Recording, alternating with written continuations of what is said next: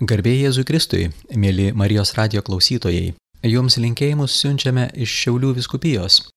Šioje laidoje norime prisiminti Šventojo popiežiaus Jono Pauliaus antrojo viešnagę Lietuvoje ir pakalbėti apie jos atminimui įamžinti Šiauliuose pastatytą paminklą.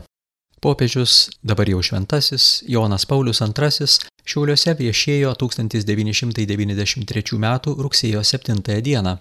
Kryžių kalno koplyčioje popiežius aukojo šventasias mišes, po kurių pietavo ir ilsėjosi jėzuitų vienuolyno patalpose Šiauliuose.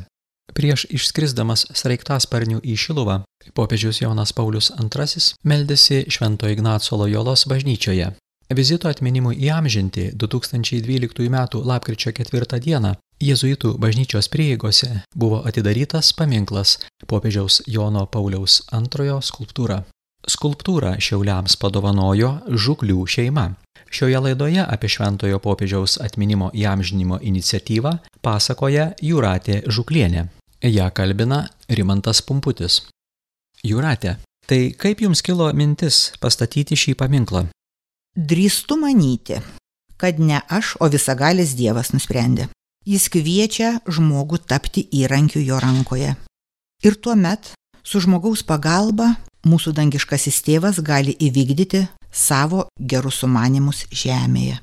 Po staigios vyro Alfonso mirties buvau išsigandusi ir pasimetusi. Liko daug nepasakytų žodžių ir nenuveiktų darbų. Jaučiausi, tarsi esu uždaryta tuščiame kambarį, ausise skausmingai spengia tyla. Tuomet ir supratau, kad privalau gyventi už Alfonsą ir save panorau padaryti kažką reikšmingo ir svarbaus. Vis dažniau prisimindavau apie mūsų pokalbius, tam tikrą formą įamžinti popiežiaus Jono Pauliaus antrojo atminimą - Švento Ignaco Lojolos bažnyčioje. Ta įamžinimą jūs turbūt įsivaizdavote meninę formą. Be abejo, tai turėjo būti meno kūrinys. Mąstėme apie didelį tapybos darbą arba grafitą Net buvome aptarę ir dailininką, kuris galėtų tai padaryti.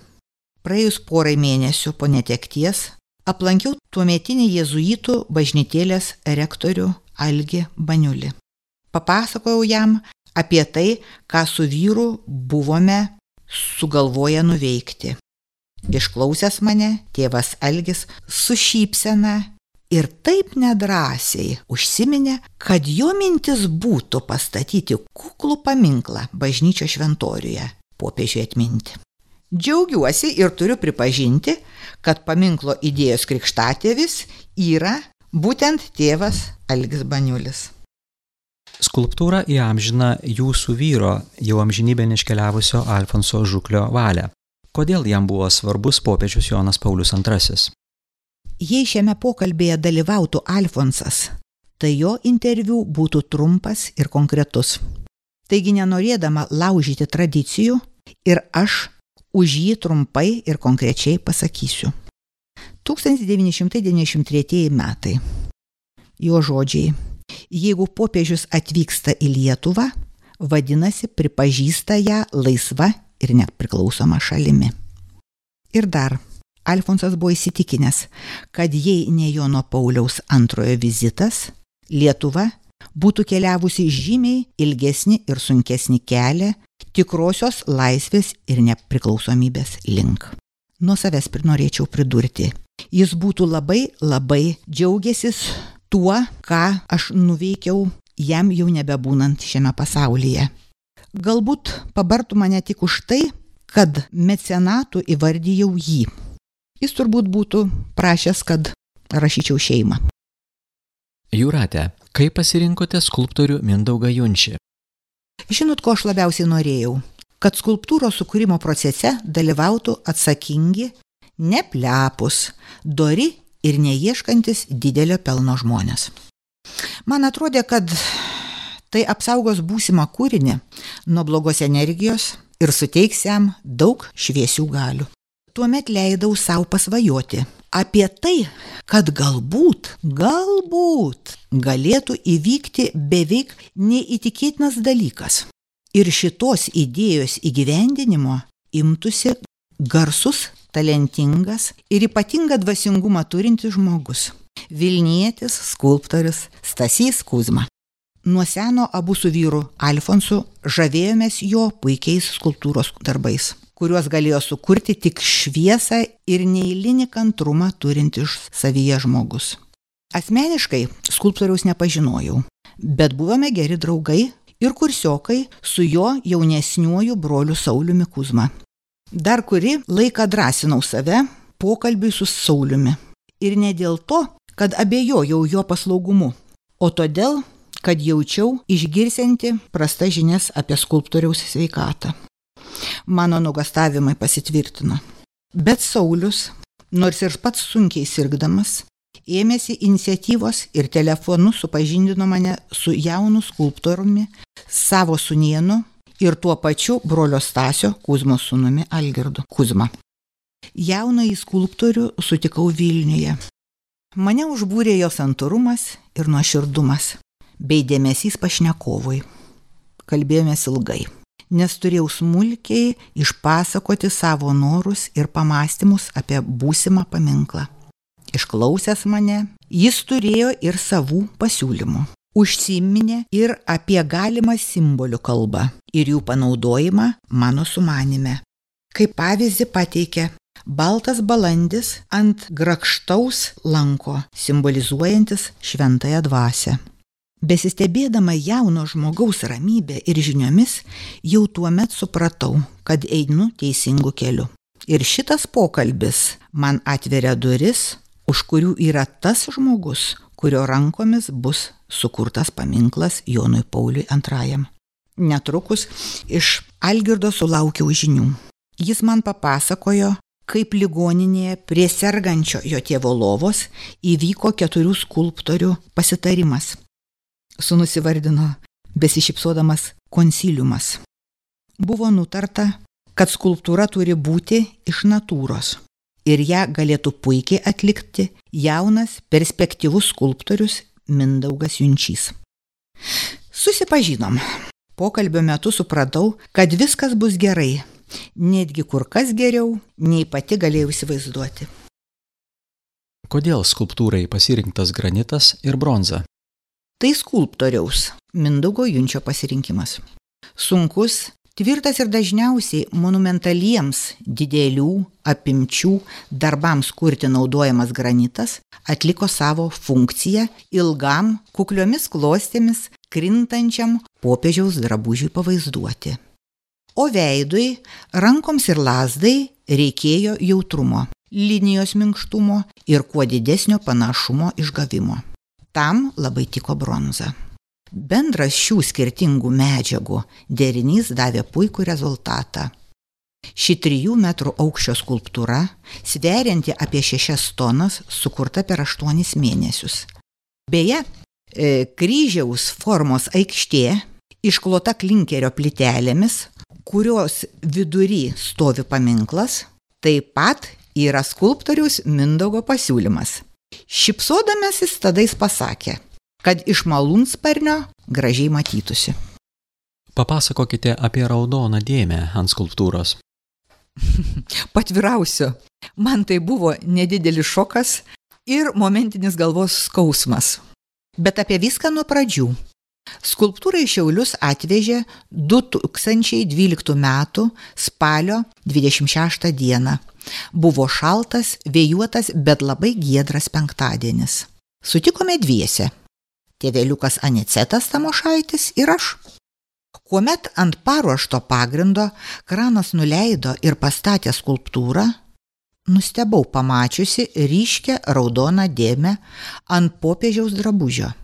Ji buvo kairėje pusėje, šiek tiek žemiau kelių.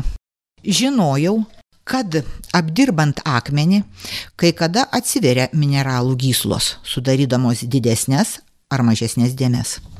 Tai natūralu ir gražu. Bet čia vieniša, ryški dėmė ant ramaus visos skulptūros fono atrodė keistai ir kėlė nusivylimą. Bebaigiant darbus, atsargiai paklausiau skulptoriaus Mindaugo apie tą raudoną, kaip įvardinčiau, netikėtumą. Pasirodo, jam irgi iš pradžio tai nepatiko.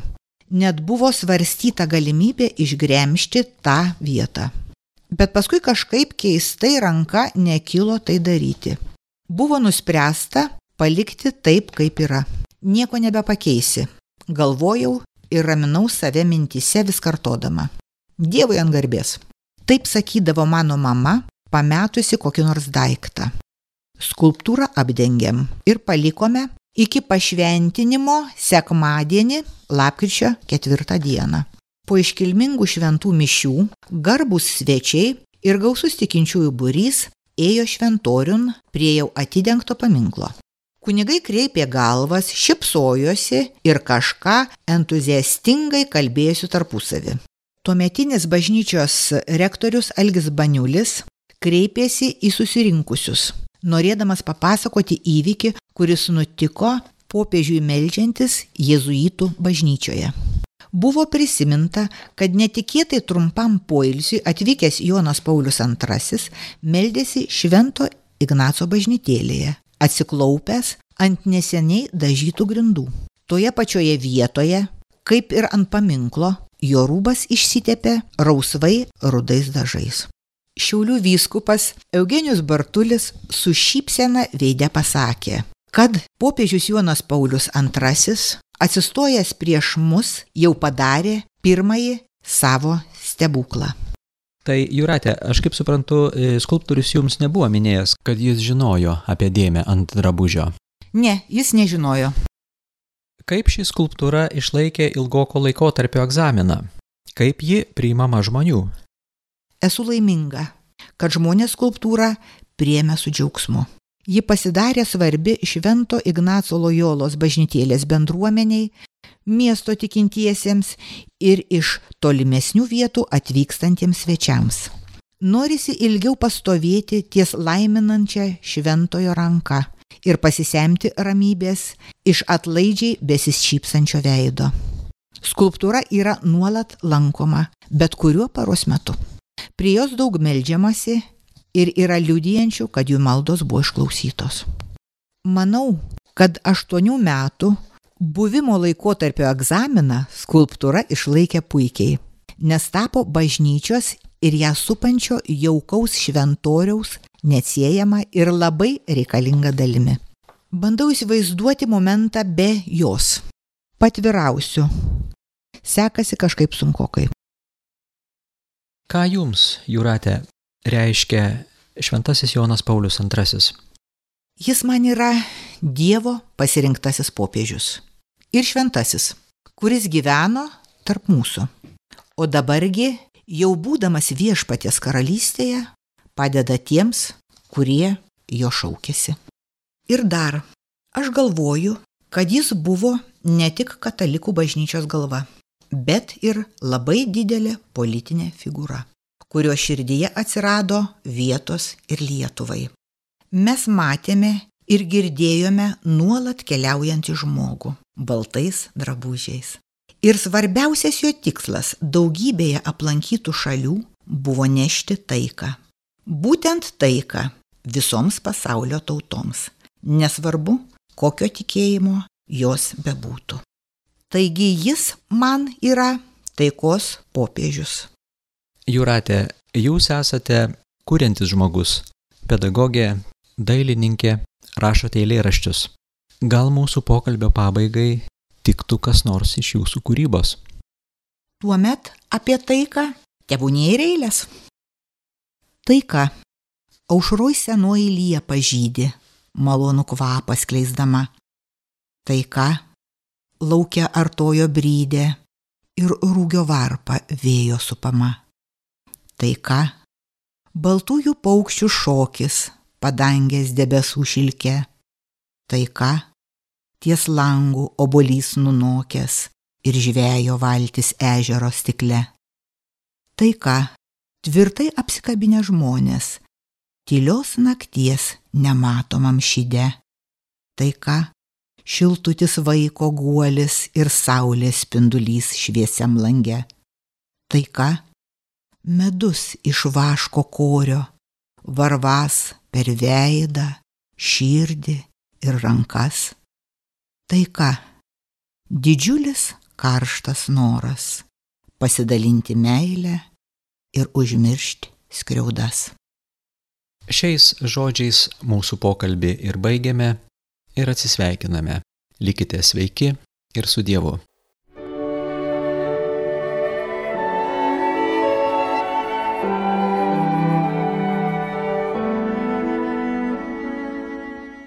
Šiandien 12 val.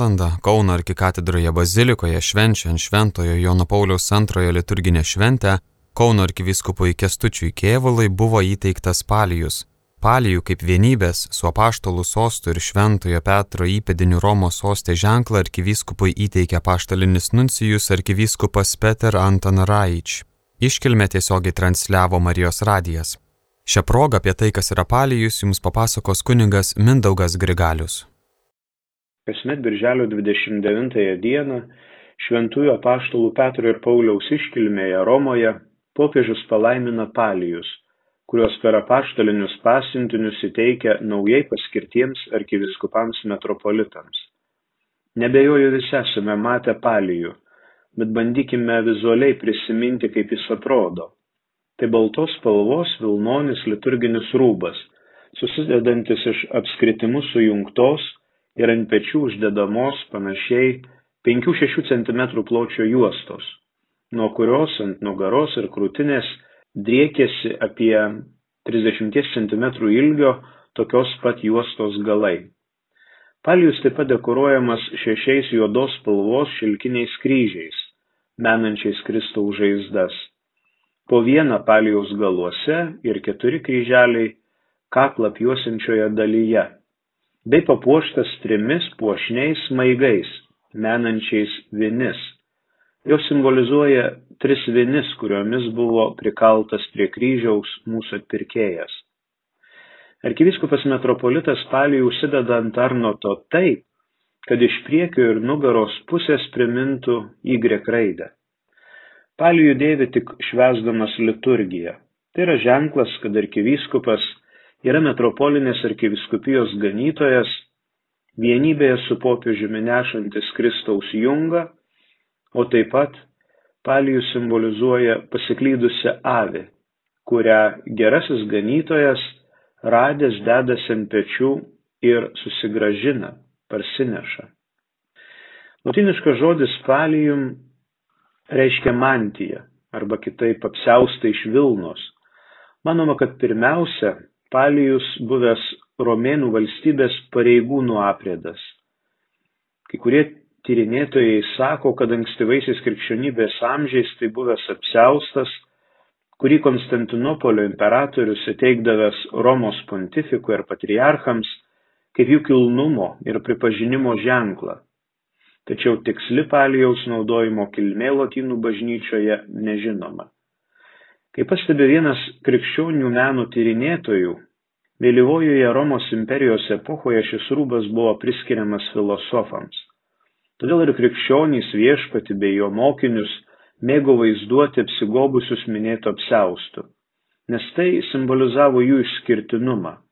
Kristus ir jo mokiniai skelbė išskirtinę žinę, moko ypatingo, ne šio pasaulio mokslo, ir šventasis Justinas, nukankintas 165 metais, taip pat vaizduojamas mene dėvintis palijų, nes buvo filosofas. Ankstyviausia mene matoma palijaus forma tai plati juosta, kuria apviniojami pečiai, o abu juostos galai kabo permesti per kairį į petį, vienas iš priekio pusės, kitas iš nugaros. Nors istoriškai nėra aišku, kada palijus imtas naudoti krikščionių liturgijoje, tačiau užuominų randame įvairiuose šaltiniuose. Liber Pontificalis knygoje, kurioje surašomos biografijos ir atsiminimai apie buvusius Romos popiežius, paminėtas popiežius Morkus, miręs 336 metais, kuris anuomet suteikęs teisę palijų nešioti Ostijos vyskupui. Tai buvęs garbingas įvertinimas, nes Ostijos vyskupai turėjo teisę konsekruoti naujai išrinktą Romos vyskupą. Kadangi popiežius kaip Romos vyskupas renkamas iš Romos miesto kunigų ir vėliau jam teikiama vyskupo konsekracija. Nuo ketvirto amžiaus palijus laikytinas išskirtiniu popiežiaus ženklu ir suteikiamas kitiems viskupams kaip garbės titulas. Dažnai reiškia ne tik išskirtinę garbę, bet ir kai kurias konkrečias tam vyskupui pavestas popiežiaus pareigas ir galias. Prisiminkime misionierių vienuolį Kenterberio vyskupą Augustiną, kurį vėliau tiek katalikai, tiek anglikonai laikys Anglijos apaštalų. Jam popiežius Grigalius didysis 601 metais atsiunčia palijų ir tuo pačiu suteikia arkivyskupo galę, patiki pareigą parinkti 12 viskupų, juos konsekruoti ir jis jiems turėsęs metropolito autoritetą. Tuo pačiu Augustinas Kenterberietis taip pat ir gavo pareigą parinkti būsimą Jorko arkivyskupą, kuris taip pat savo laiku gavęs palijų galėjo parinkti ir konsekruoti iki dvylikos kitų vyskupų. Vis labiau linkstama palijų teikti išskirtinai arkiviskupams metropolitams. O 8 amžiaus pabaigoje Švento Bonifaco sušauktas sinodas numatė, kad vakarų metropolitai palijaus turi prašyti iš Romos popiežiaus. Metropolitai galėjo patys vykti į Romą pasiimti ar prašyti palijaus, kurį įteikiant būdavo reikalaujama iškilmingai išpažinti tikėjimą. Ir šį palijų metropolitai galėjo nešioti tik savo bažnytinėje teritorijoje. XI amžiuje popiežius Paskalis II tikėjimo išpažinimą pakeitė ištikimybės priesaiką popiežiui. Tai galioja iki šių dienų. Pati palijaus forma įvairiai kito. Viduramžiais palijaus kryželių skaičius kito tarp 4, 6, 8, o spalva paprastai būdavo tamsi, kartais raudona. Trys maigai, kuriais anksčiau didelis palijus būdavo susegamas, pritvirtinamas, Pasikeitus palijaus formai, šie smaigai buvo išsaugoti tik kaip puošybos elementai. Ir pati palijaus gamyba yra tam tikra peiga. Ėriukus, iš kurių Vilnos audžiami palijai, užaugina vienuoliai trapistai. Trijų šaltinių arba kitaip Romoje Trefontanio vienuolyne. Vietoje, kurioje buvo nukirzdintas apaštolas Šventasis Paulius. Palijams išrinktus du ėriukus iš trapistų įsigyja Laterano kanauninkai, tarnaujantis visų pasaulio bažnyčių motinoje, Romos, išganytojo ir šventųjų Jonų katedroje. Jie kasmet sausio 20 dieną nugabena įsigytus ėriukus paruošti palaiminimui į Romą pas Nazareto šventosios šeimos vienuolės. Sausio 21 dieną Bažnyčia mini kankinį ir mergelę šventąją Agnietę. Todėl vienas iš avinėlių apgobiamas raudonu apsiaustu ir vainikuojamas raudonų gėlių vainiku, jis simbolizuoja šventos Agnietės kankinystę. Kitas, papuošiamas balto apsiaustu ir baltų gėlių vainiku, simbolizuoja šventos Agnietės nekaltumą. Šitai papuoštus sėriukus Laterano kanauninkų patarnautojai nuveža į Šventos Agnietės baziliką už Romos mūro, ten sukalbamos maldos, prisimenant šią labai garsią bažnyčios kankinę, skaistybę išsaugojusią trečio amžiaus romėnę. Šventoji Agnietė savinėlio simboliu sieja jos vardas, nes lotiniškai agnus reiškia avinėlį. Be to pagal vieną kankinystės padavimą ji buvo nužudyta kaip jaunamas savinėlis, perpjaunant gerklę. Po to popiežiaus rūmų darbuotojai nugabena vinelius į apaštališkuosius rūmus, kur popiežius paprastai Urbono VIII koplyčioje ėriukus palaimina. Vėliau avinėlė atiduodami Šventos Cecilijos benediktinių vienuolyno seserims. Ten jie ganosi savo ramiai iki Velykų. Prieš pat Velykas šie avinėliai yra nukerpami ir iš jų Vilnos bei kitų ėriukų Vilnos verpiami siūlai ir audžiami palijai tačiau būtinai kiekviename palijoje yra dalis vilnos nukirptos nuo šių dviejų avinėlių. Vienuolės naujosius palijus pristato į Vatikaną kasmet birželio 24 dieną per Švento Jono Krikštitojo, kuris Kristų vadino Dievo avinėliu iškilme. Vatikane Šventųjų apaštalų Petro ir Pauliaus iškilmės išvakarėse palijai sudedami į puošnę skrynę, esančią Šventojo Petro bazilikos grotų nišoje tiesiai po konfesiją, vadinamu didžiuoju altoriumi. Ir virš vietos, kurioje yra Vatikane nukryžiuoto apaštalo Petro kapas. Taigi nišoje per naktį prabuvę palijai tampa relikvijomis per prisilietimą prie apaštalo Petro kapo. Kasmet birželio 29 dieną Švento Petro ir Pauliaus iškilmėje popiežius palaimina palijus. Tik anksčiau jie būdavo palaiminami ir iš karto, švenčiant Eucharistiją, įteikiami į Romą atvykusiems metropolitams. Po to, kai jie pažadėdavo ištikimybę popiežiui ir jo įpėdinėms. Tačiau nuo 2015 metų popiežius Pranciškus pageidauja, kad palaimintus palijus įteiktų apaštalinis nuncijus metropolitams patikėtoje arkivyskupijoje. Įdant švęsti šią iškilmingą liturgiją, vieningai susirinktų visi jo jurisdikcijoje esantys viskupai, Dievo tauta ir tai būtų išryškinta palijaus reikšmė ir metropolito pareigų kilnumas. Palijus yra tapęs ypatingo ryšio simbolis tarp popiežiaus ir to, kuriam duota gale benediktas šešioliktasis apie palijų šitaip sako vienybės ženklas kuris jungia petro sostą ir jo įpėdinį su metropolitais o per juos su kitais pasaulio vyskupais yra palijus. Nuo 2008 metų ir pas popiežius benediktas šešioliktasis naudojo palijų papuoštą raudonais kryžiais kiek didesnį nei metropolitų palijus o nuo 2014 metų popiežius Pranciškus vėl naudoja tokį patį palijų, kaip ir visi arkiviskupai metropolitai. Metropolitai pagal teisės normas prieš pradėdami vykdyti pareigas arkiviskupijoje, į kurią yra siunčiami, per tris mėnesius nuo paskirimo ar nuo konsekracijos kreipiasi šventąjį tėvą prašydami palijaus, kurį, kaip sako bažnyčios teisė, pagal liturginių įstatymų normą gali nešioti bet kurioje bažnytinės provincijos, kuriai vadovauja bažnyčioje, bet ne už jos ribų, net ir sutinkant dieceziniam vyskupui. Ir metropolitui, vėl teisė sako, perkeltam į kitą metropolito sostą, reikalingas naujas palijus. Tad palijus, galėtume sakyti, skiriamas konkrečiam arkivyskupui metropolitui konkrečios metropolijos ganytojo pareigoms. Vien popiežius gali palijų užsidėti bet kurioje pasaulio vietoje ir bet kokiomis aplinkybėmis.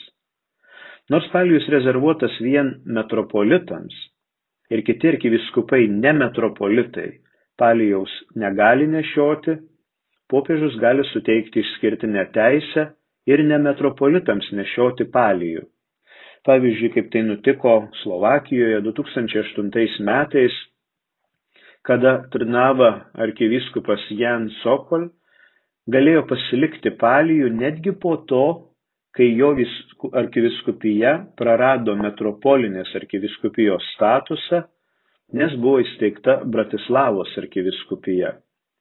Ši privilegija nešioti palijų suteikiama ir kardinolų kolegijos dekanui. Nuo tada, kai Jonas Paulius II suteikė palijų tuometiniam kardinolų kolegijos dekanui Josef Ratzinger, kai jis tapo kardinolų kolegijos dekanu ir tęsiasi iki šiol. Palijus negali būti perduotas kitiems ir kai metropolitas miršta, turi būti su juo ir palaidotas. Arkivyskupai metropolitai baigė tarnystę ir tapę emeritais taip pat daugiau negali naudoti gautojo palijaus. Baigdamas galiu pajokauti, kai buvo sakoma, kad vienintelė akimirka, kai būdavo galima pamatyti du ar daugiau arkiviskupų tuo pačiu metu ir toje pačioje vietoje su palijais, tai būdavo anksčiau vykdavosi palijų uždėjimo ceremonija Romoje. Dėkoju už bendrystę, palaimintos dienos. Laidoje apie tai, kas yra palijus, pasakojo kuningas Mindaugas Grigalius.